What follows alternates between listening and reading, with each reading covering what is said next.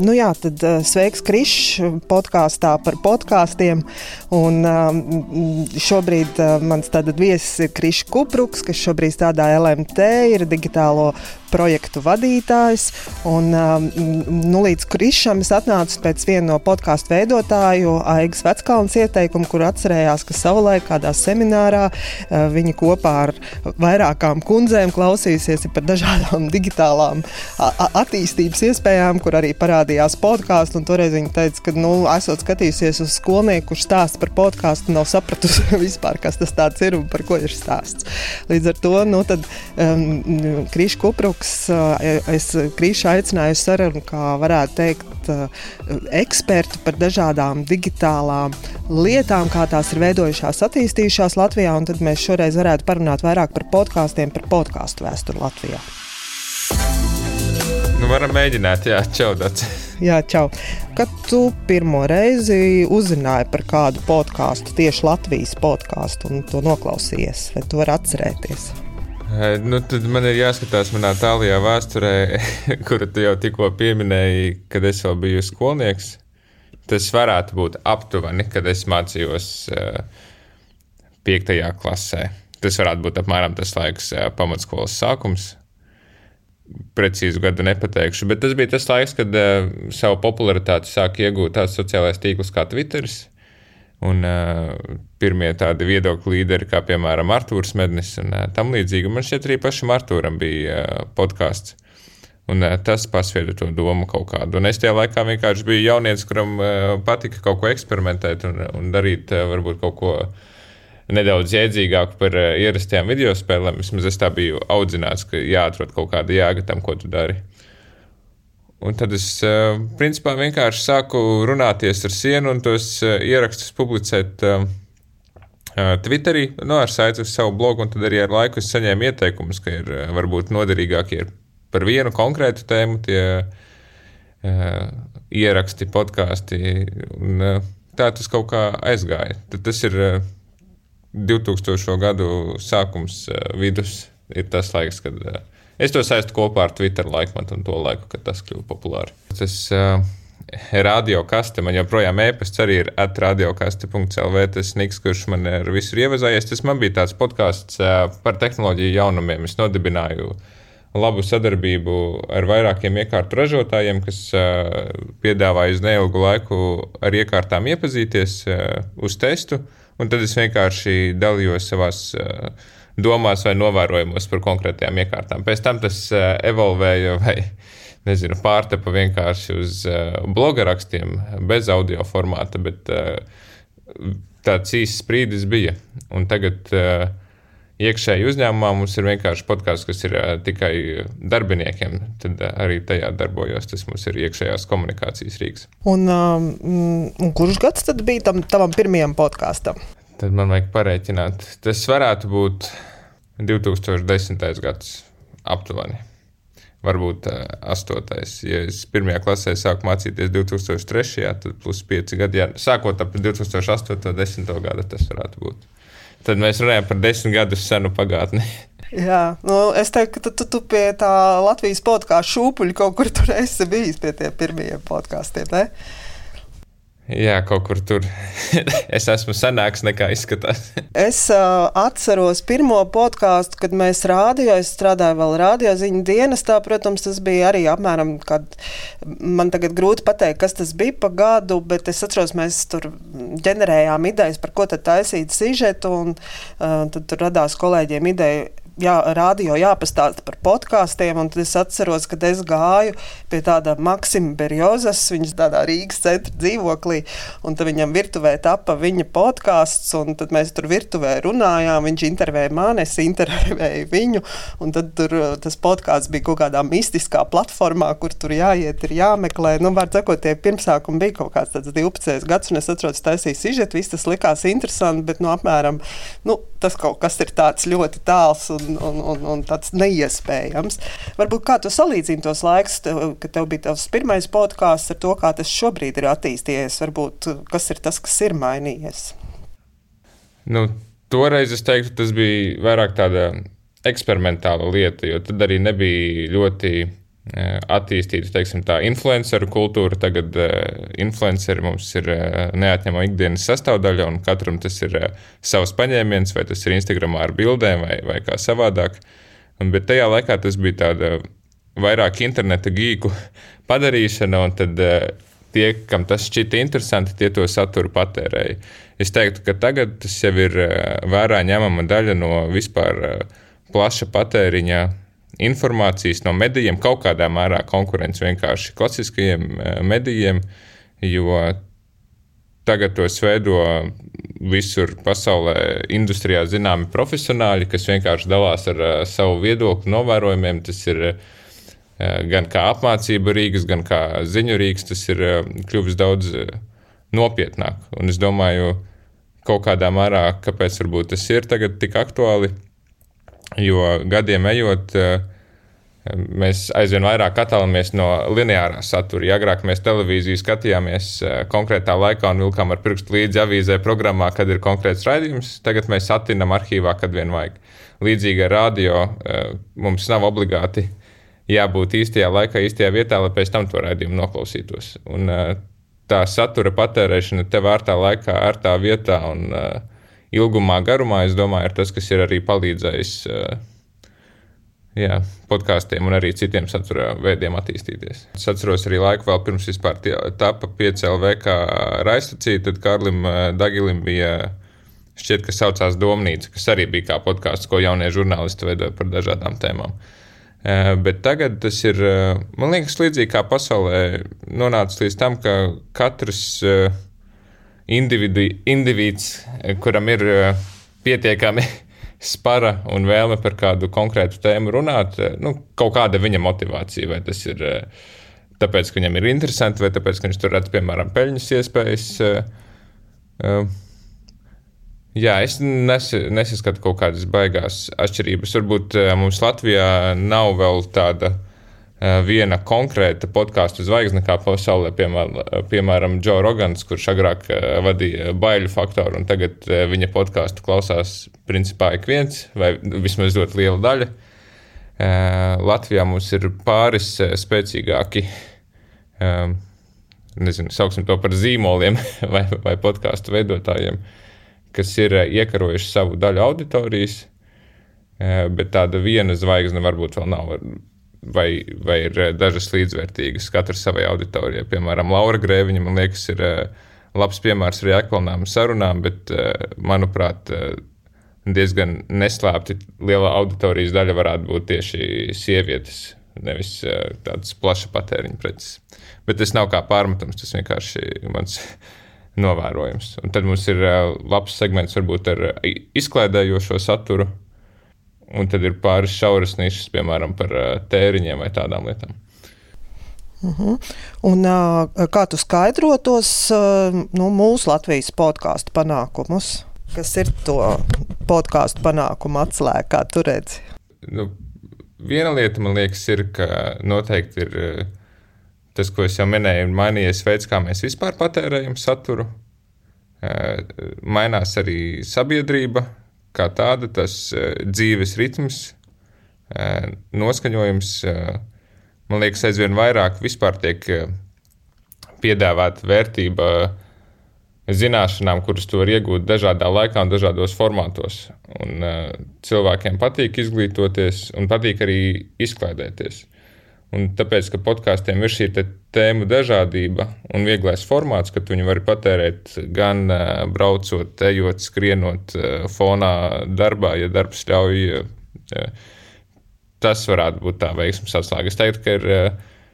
Jo pēdējā laikā ir arī uzsākta liela diskusija, piemēram, par sociālo mediju teiksim, jēgpilnumu vai drošību. Ir daudz dažādi skandāli.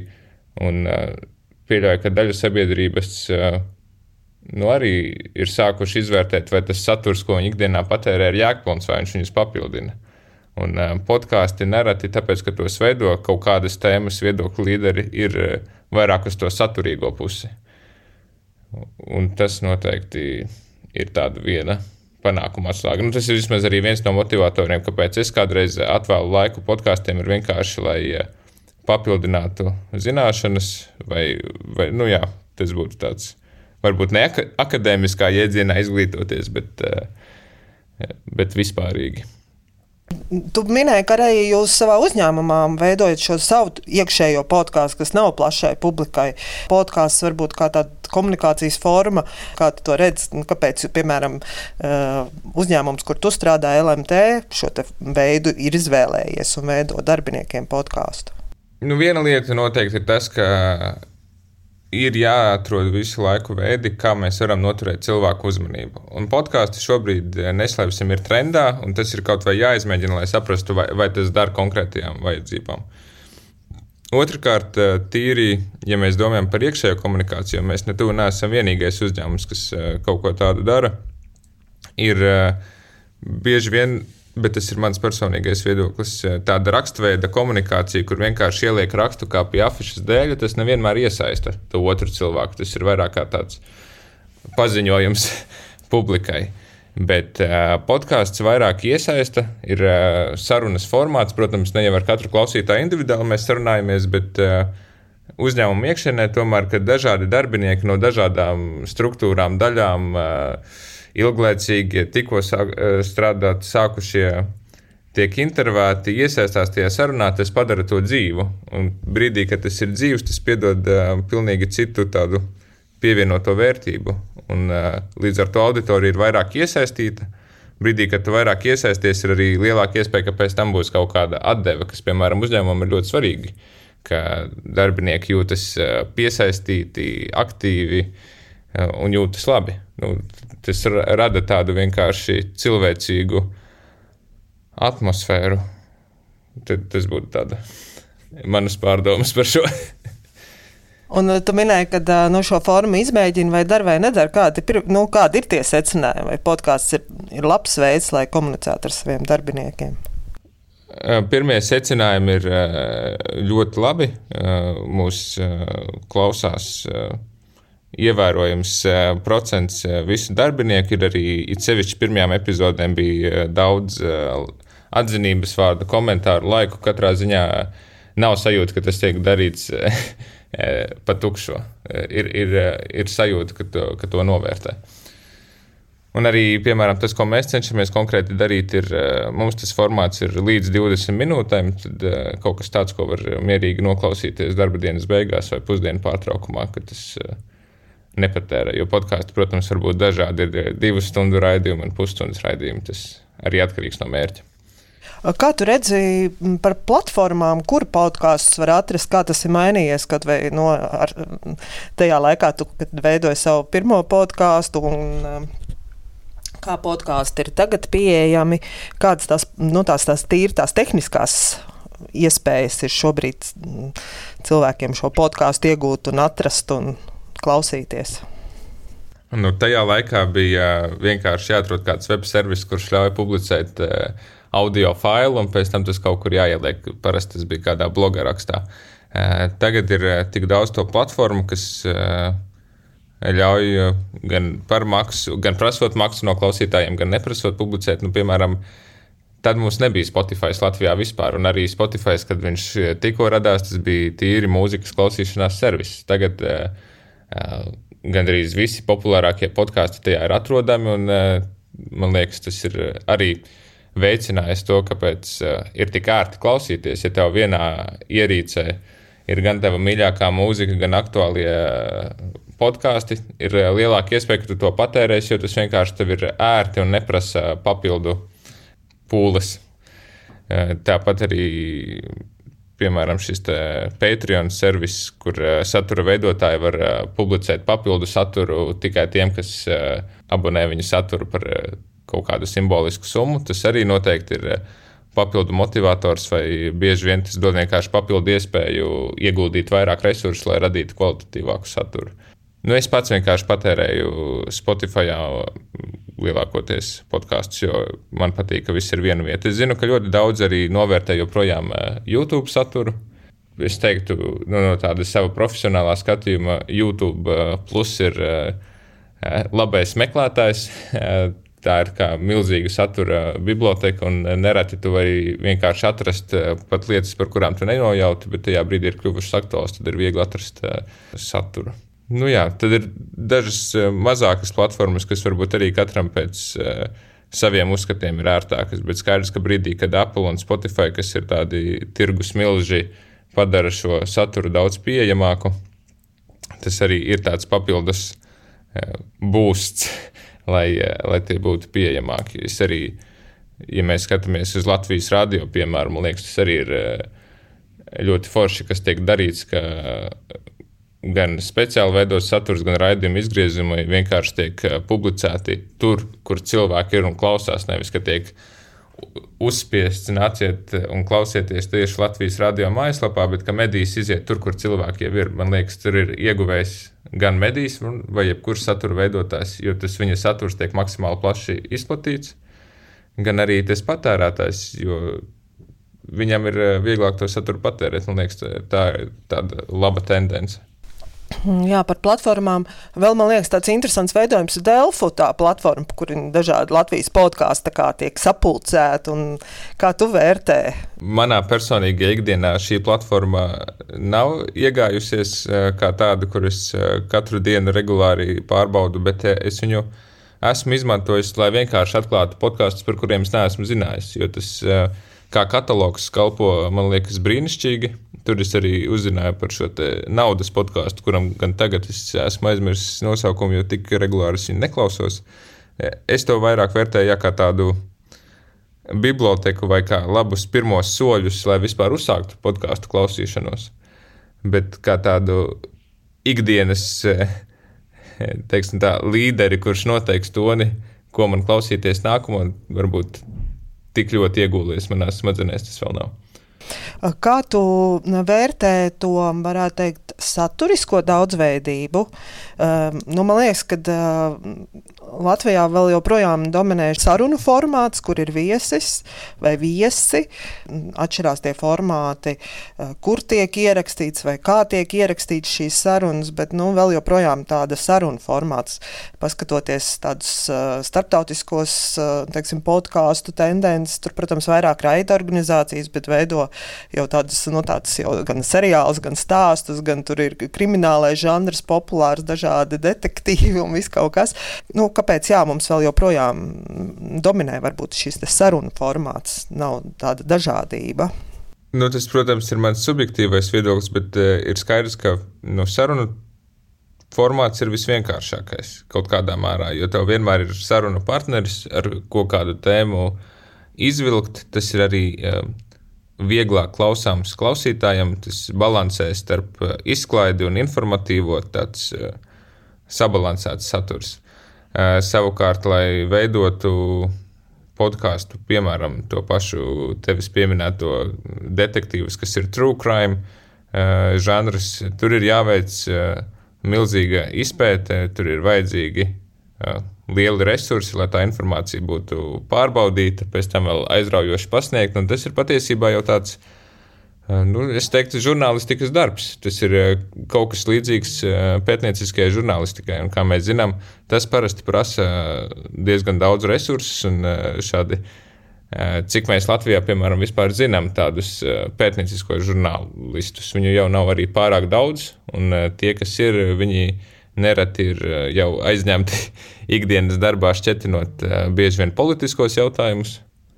Es teiktu, ka vienkārši varbūt mums šobrīd trūkst eh, entuziastu, kuriem ir brīvas rokas eh, vēl papildus savai ikdienai to iepakot podkāstu formātā. Jo mums noteikti varētu būt arī gan labi vēsturnieki, detektīvi un citi speciālisti, piemēram, fiziķi, kas varētu šo tēmu pacelt. Bet es pieļauju, tas ir viņu aizņemtības jautājums, un arī cik plaša auditorija to patērēs. Lai gan es domāju, ka potenciāls tur ir, jo tas gan ir nesaistīts ar tieši podkāstu formātu, ko mēs šobrīd ar tevi apspriežam, bet es esmu novērojis, ka it īpaši tagad, Covid laikā, piemēram, Twitterī ir ļoti uzplaukusi ārstu komūna. Ir ģimenes ārsti, zobārsti, jaunie ārsti, daži anesteziologi, plašs spektrs, kas tvīto gan savas ikdienas lietas, gan tieši ar darbu saistītas lietas. Viņi taisa šos te, tas Latvijas laikam ir pavadiens vai thread par konkrētu tēmu, piemēram, kā notiek pacienta intubēšana vai viss, kas tev jāzina par zobu kariesu. Tur šīs ekspertīzes parādās, bet tas ir arī viņu brīvajā laikā. Viņi ir piesēdušies, ierakstījuši un varbūt pat vēl atbild uz jautājumiem. Podkāsts uzreiz ir salīdzinoši ar Twitteri prasīgāks formāts.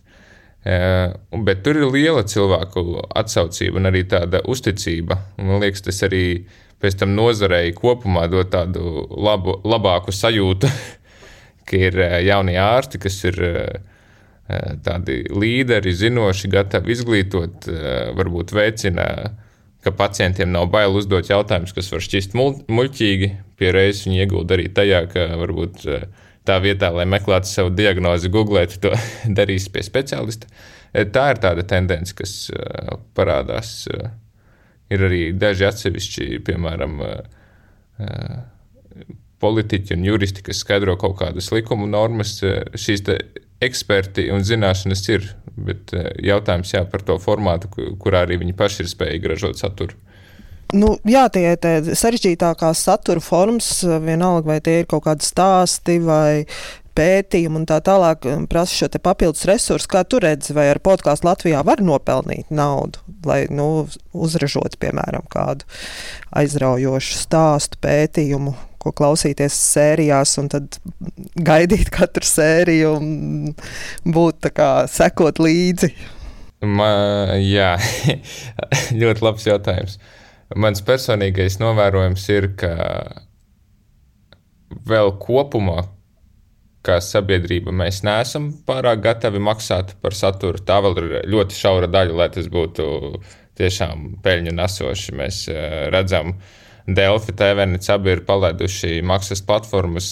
Es, protams, nezinu precīzus skaitļus, bet pieļauju, ka tur nav miljoni, ka tur eh, no tā liela auditorijas eh, plūsmas, un līdz ar to, ja mēs vēl neesam pārāk gatavi maksāt par saturu, vai to maksiņu jau atstājam, piemēram, abonējot kādu žurnālu, eh, tad eh, podkāstu veidotājiem vienīgais ienākumu avots paliek vai nu eh, reklāmas, kas arī nebūs pārāk daudz, un kaut kādā mērā viņu, viņš vairs nav tik neatkarīgs. Ir sevišķi, tas saturs, ko viņš grib veidot, ir par kādu tēmu, varbūt kutelīgāku. Uh, vai arī tad, uh, no savas naudas, vai arī ja ir kādi sponsori vai partneri. Bet uh, tad, uh, piemēram, žurnālistiem labāk būtu būt neatkarīgiem, bet ir tēmas, varbūt, kur arī šis sponsors netraucētu. Es teiktu, ka ir jānobriest, tad, ka jo kvalitatīvāku saturu mēs gribam, mums jābūt gataviem arī par to maksāt kaut vai nedaudz. Bet, lai gan es domāju, ka līdz tam izaugsim, tas iest arī kopā ar finanšu labklājību kā tādu, ka tu būtu ar mieru kaut kādu daļu naudas uh, atstāt uh, nu, nekam taustāmam, ja tā zināšanām. Līdz tam ir arī jānobriest. Bet es domāju, ka, ka tā ir tendence, kur mēs noteikti attapsimies. Varbūt, ja ne pēc gada, tad pēc pieciem, ka par jo kvalitatīvāks saturs, jo lielāka iespēja, ka mums par to būs jāmaksā. Ārzemēs tas ir ļoti populāri, ka ziņu blogi tev ļauj izlasīt vienu, divus rakstus un pēc tam lūdzu abonēt. Pat ja tie ir 5 eh, dolāri mēnesī, bet eh, pāris tādi portāli un tev jau ir 20, 30 eiro tikai par, eh, par, par ziņu saturu mēnesī jāatstāj. Jā. Es neredzu, ka pagaidām ar to varētu super nopelnīt. Bet tas droši vien ir kaut kāds krustojums starp labo gribu un varbūt uh, naudu garšīgākai kafijai. Vai tu pats kādu podkāstu esi kādreiz pircis, abonējis? Um, konkrēti podkāstu nē. Es esmu abonējis uh, New York Times online versiju un uh, jau pieminētos uh, latviešu portālus. Uh, un es pieļauju, ka ja tie raksti būtu arī audio formātā, es viņus varbūt klausītos, nevis rakstītu. Un es esmu apsvēris, bet arī vēl neesmu nobriedis konkrētus, uh, sauksim viņus par influenceriem, atbalstīt, piemēram, Patreon platformā. Tas ir tas, kam, par ko es vēl domāju. Vienīgais, kas man tiešām interesē, vai mums ar laiku Latvijā parādīsies vairāk šie specifiskie podkāsti, kas ir tādi vairāk sauksim viņus par rakšanas dziļumā, tādiem jā, tiem pašiem trūkrājiem vai, vai, vai tam līdzīgiem. Bet tu to resursu redzi, Jo nu, kaut kā man grūti iedomāties, ka pie mums varētu būt līdzīgi kā nezinu, kaut vai tajā pašā Skandināvijā, kur ir neatkarīgas producentu grupas, kas veido savu nu, saturu, kaut vai nu, tos pašus kaut kādus pētījumus, un tad uh, viņi šos pētījumus var uztaisīt nu, par šo abonementu naudu. Kaut kā man tā grūti, nu, vismaz šobrīd, tajā mēdīņa lauciņā. Arī... Šobrīd neredzu, bet mēs nezinām, kas būs nākotnē jo aug jau arī jauna žurnālistu paudze. Varbūt uh, universitātēs ir uh, jātaisa, kā, kā mēs uh, IT jomā bieži vien taisam hackathonus, lai atklātu jaunos talantus un jaunās idejas. Varbūt uh, žurnālistiem jātaisa podkāstu hackathons un uh, jātaisa labākās tēmas, jo taisnība ir, ka Latvijā mums tie brīvie producenti ir tik, cik viņi ir Nu, kas mums tāds pamanāmākais šobrīd ir Jānis Dombors, kurš ir brīvs no vis, vismaz sarunas brīdī. Bet tavuprāt, tas ir piemēram tikai finanšu jautājums, vai tur ir kaut kas eh, vairāk apakšā? Jo skaidrs, ka finanses ir vajadzīgas, bet. Mm. Nu, arī, protams, žurnālisti vai nu, cilvēki, kas to prot darīt profesionāli, kuriem ir arī varbūt tāda, nu, arī tas savs redzējums, protams, arī kā to izdarīt, un varbūt tur ir kaut kāda, varbūt pat atļaušanās vairāk nekā tas ir iespējams kādā, nu, mēdīju organizācijā, kur ir kaut kādas savas jau, savu tādu iesīkstējusi, vai varbūt tradīcijas, vai kā mums tas jādara, tas, protams, arī bieži vien tas, man liekas, arī, kad iziet ārā no tās kastes un rada kaut ko arī tas, man liekas, kas to nosaka.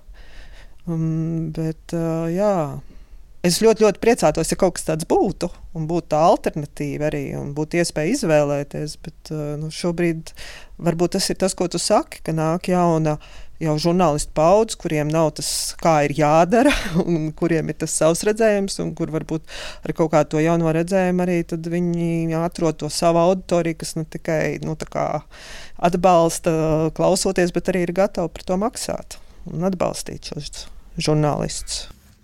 Mm, nu, es teiktu, tas ir eh, vienkārši izaugsme kopumā. Ir eh, jābūt gan tiem, kas ir spēj, spējīgi un griboši maksāt, gan tiem, kas ir eh, spējīgi un griboši radīt. Un varbūt vienkārši kādās sabiedrības daļās vai valstīs tas notiek ātrāk, citās lēnāk. Bet es galīgi neuzskatu, ka tas būtu kaut kas utopisks vai neiespējams. Nu, labi, tad tava prognoze, ka tas varētu mums būt 2025. Vispār izklausās labi. Par to, ka podkāsts kļūst ar vien populārāk, man liekas, kaut vai tas, ka parādās arvien tādi e, ne tikai kādas grāmatas lasīt, ieteikums vai seriālu skatīties, bet parādās žurnālos arī jau podkāstus kādus klausīties. Un tas man liekas tā interesanti vēl pirms gada. nu, tas man liekas, kaut kā es to nemanīju. E, kā tu redzi to, to, nu, to auditoriju, ko nu, vēl podkāstī pie tam jo dažādāk, jo labāk varētu sasniegt? Cik liels tas potenciāls, kā tu redzi? Man grūti tev kaut kā prognozēt, jo man šķiet, ka jau šobrīd ir eh, visi priekšnosacījumi un spēles noteikumi, lai eh, podkāsti būtu plaši pieejami. Jo tiklīdz tas ir internetā, liel, principā lielākajai sabiedrības daļai, tas būs uh, pieejams. Tad jautājums ir vienkārši par eh, to, kā to ziņu aiznest līdz klausītājiem, ka tāds podkāsts ir un tāda tēma eksistē. Protams, ka būs eh, vienmēr kāda daļa sabiedrības, eh, ir sevišķi varbūt gados vecāka, kas patērēs radio un TV. Nu, ja kāds podkāstu veidotājs izveidos sadarbību ar krustpunktā vai ar brīvo mikrofonu, tad, tad, tad tā viņš sasniegs arī to sabiedrības daļu. Bet tāda Es neuzdrīkstētos tagad izpaust kaut kādu baigo prognozi, ka pēc pieciem gadiem mēs, nezinu, autobusu pieturēs mums atskaņos podkāstus. Nu, tā, par tādām utopijām es nesapņoju. Man liekas, ka šobrīd jau tie spēles noteikumi ir pietiekami labi un vienkārši jāskatās, kur tas ies. Labi, mēs tagad arī tādā nedēļā esam satikušies, kad uh, Latvija un pasaulē runā daudz par sociālo tīklu Clubhouse, kas uh, ir kaut kas uh, podkāstīgs, teiksim tā, tas ir sarunu istabas, kur svešinieki satiekās un par dažādām tēmām diskutē. Tas ir tāds starp podkāstu un, un mini konferencēm tāds formāts, kas kārtējo reizi pierāda, ka šobrīd Uh, un es domāju, tas ir uh, kaut kādā mērā noveļams uz pandēmiju. Cilvēkiem gribas parunāties, uh, vajag atrast jaunus veidus, kā sevi izklaidēt, jo droši vien pa šo gadu mēs esam izsmēluši visus savus līdz šim zināmos izklaides veidus.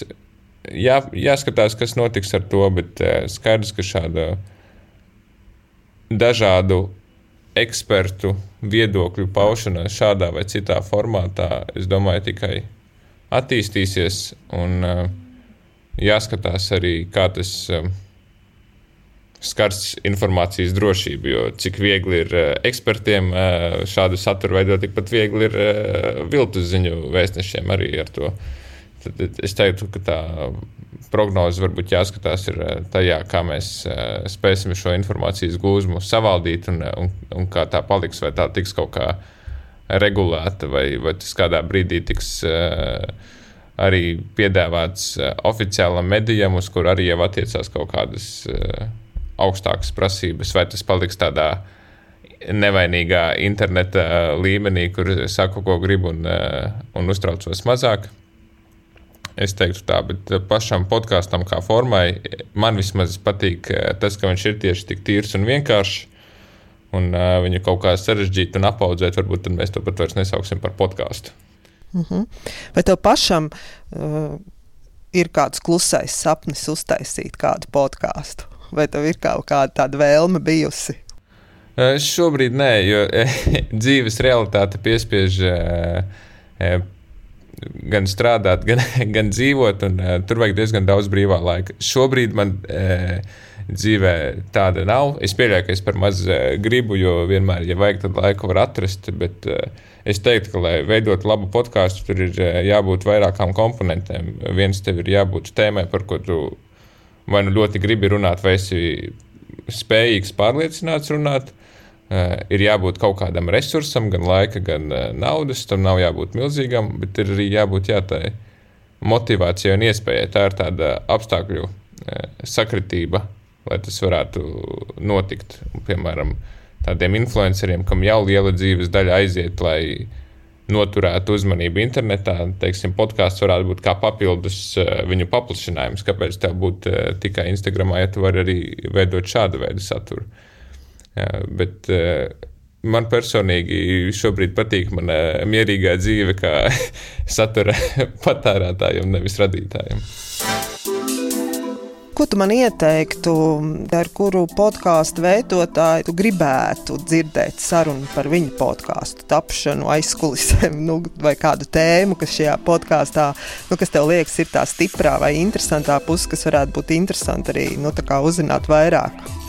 Kur podkāstu veidotāju tu man ieteiktu nointervēt? Man atbild būs priekš tevis šausmīgi garlaicīga, jo tāds podkāsts, ko es varu arī ar tīru sirdsapziņu teikt, ka es viņu klausījos nesen un turpinu klausīties, ir tas pats Latvijas radio atvērtie faili. Es domāju, tas ir tāds labs piemērs. Kur noteikti arī es domāju, es ticu jums izveidotos diezgan teiksim, tā, aizraujoša saruna. Bet, uh, nu, jā, arī daļa podkāstu, kas Latvijā ir, jau ir uh, arī pieejami video formātā, un tur to tapšanu uzreiz var redzēt. Tāda, jā, es, es jau teicu, ka šī atbilde būs garlaicīga. Labi, Krišs, paldies! Jā, paldies, ka pastāvcis parunāt. Cerams, ka palīdzēja tev kaut ko saprast, atbildēju uz jautājumiem.